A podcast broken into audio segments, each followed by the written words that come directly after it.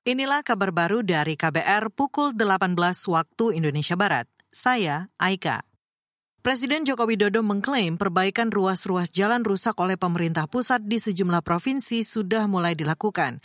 Hal itu disampaikan Jokowi usai meresmikan jalan tol ruas Bengkulu Taba Penanjung di Bengkulu hari ini.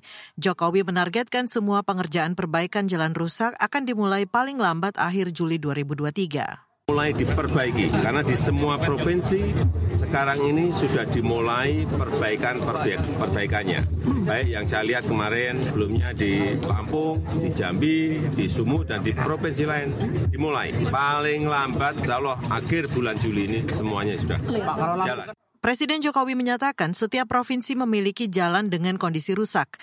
Meski begitu, Presiden menekankan adanya kemajuan di jalan-jalan yang sudah mulai diperbaiki.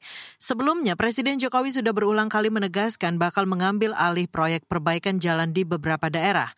Terakhir, Jokowi menyatakan hal tersebut setelah meninjau jalan rusak di Kecamatan Walu Selatan, Kabupaten Labuhan Batu Utara, Sumatera Utara.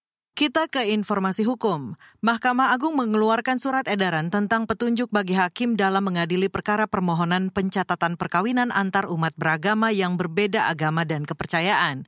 Melalui pesan singkat kepada KBR, juru bicara Mahkamah Agung Soeharto mengatakan, surat edaran MA itu ditujukan bagi Ketua Pengadilan Banding dan Ketua Pengadilan tingkat pertama. Isinya memberikan pedoman atau petunjuk bagi hakim dalam mengadili perkara permohonan pencatatan perkawinan antar umat yang berbeda agama dan kepercayaan. Soeharto menjelaskan prinsip SEMA bukan sebagai regulasi tetapi pedoman atau petunjuk. Menurutnya, surat edaran itu merujuk pada Undang-Undang Perkawinan Pasal 2 Ayat 1 yang berbunyi perkawinan adalah sah apabila dilakukan menurut hukum masing-masing agamanya dan kepercayaannya. Sebelumnya, Saudara, Mahkamah Agung menerbitkan surat edaran MA nomor 2 tahun 2023 yang melarang perkawinan beda agama.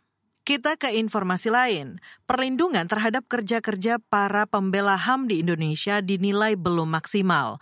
Hal itu disampaikan aktivis pembela HAM Fatia Maulidianti.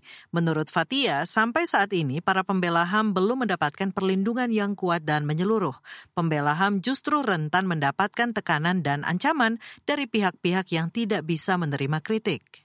Indonesia ini situasi untuk uh, perlindungan terhadap pembela HAM itu belum maksimal sama sekali gitu. Bahwa sudah lebih dari 15 tahun revisi Undang-Undang HAM itu sudah ada di meja DPR, tapi belum pernah sampai hari ini itu direvisi ataupun dimasukkan beberapa elemen terkait dengan perlindungan terhadap pembela HAM.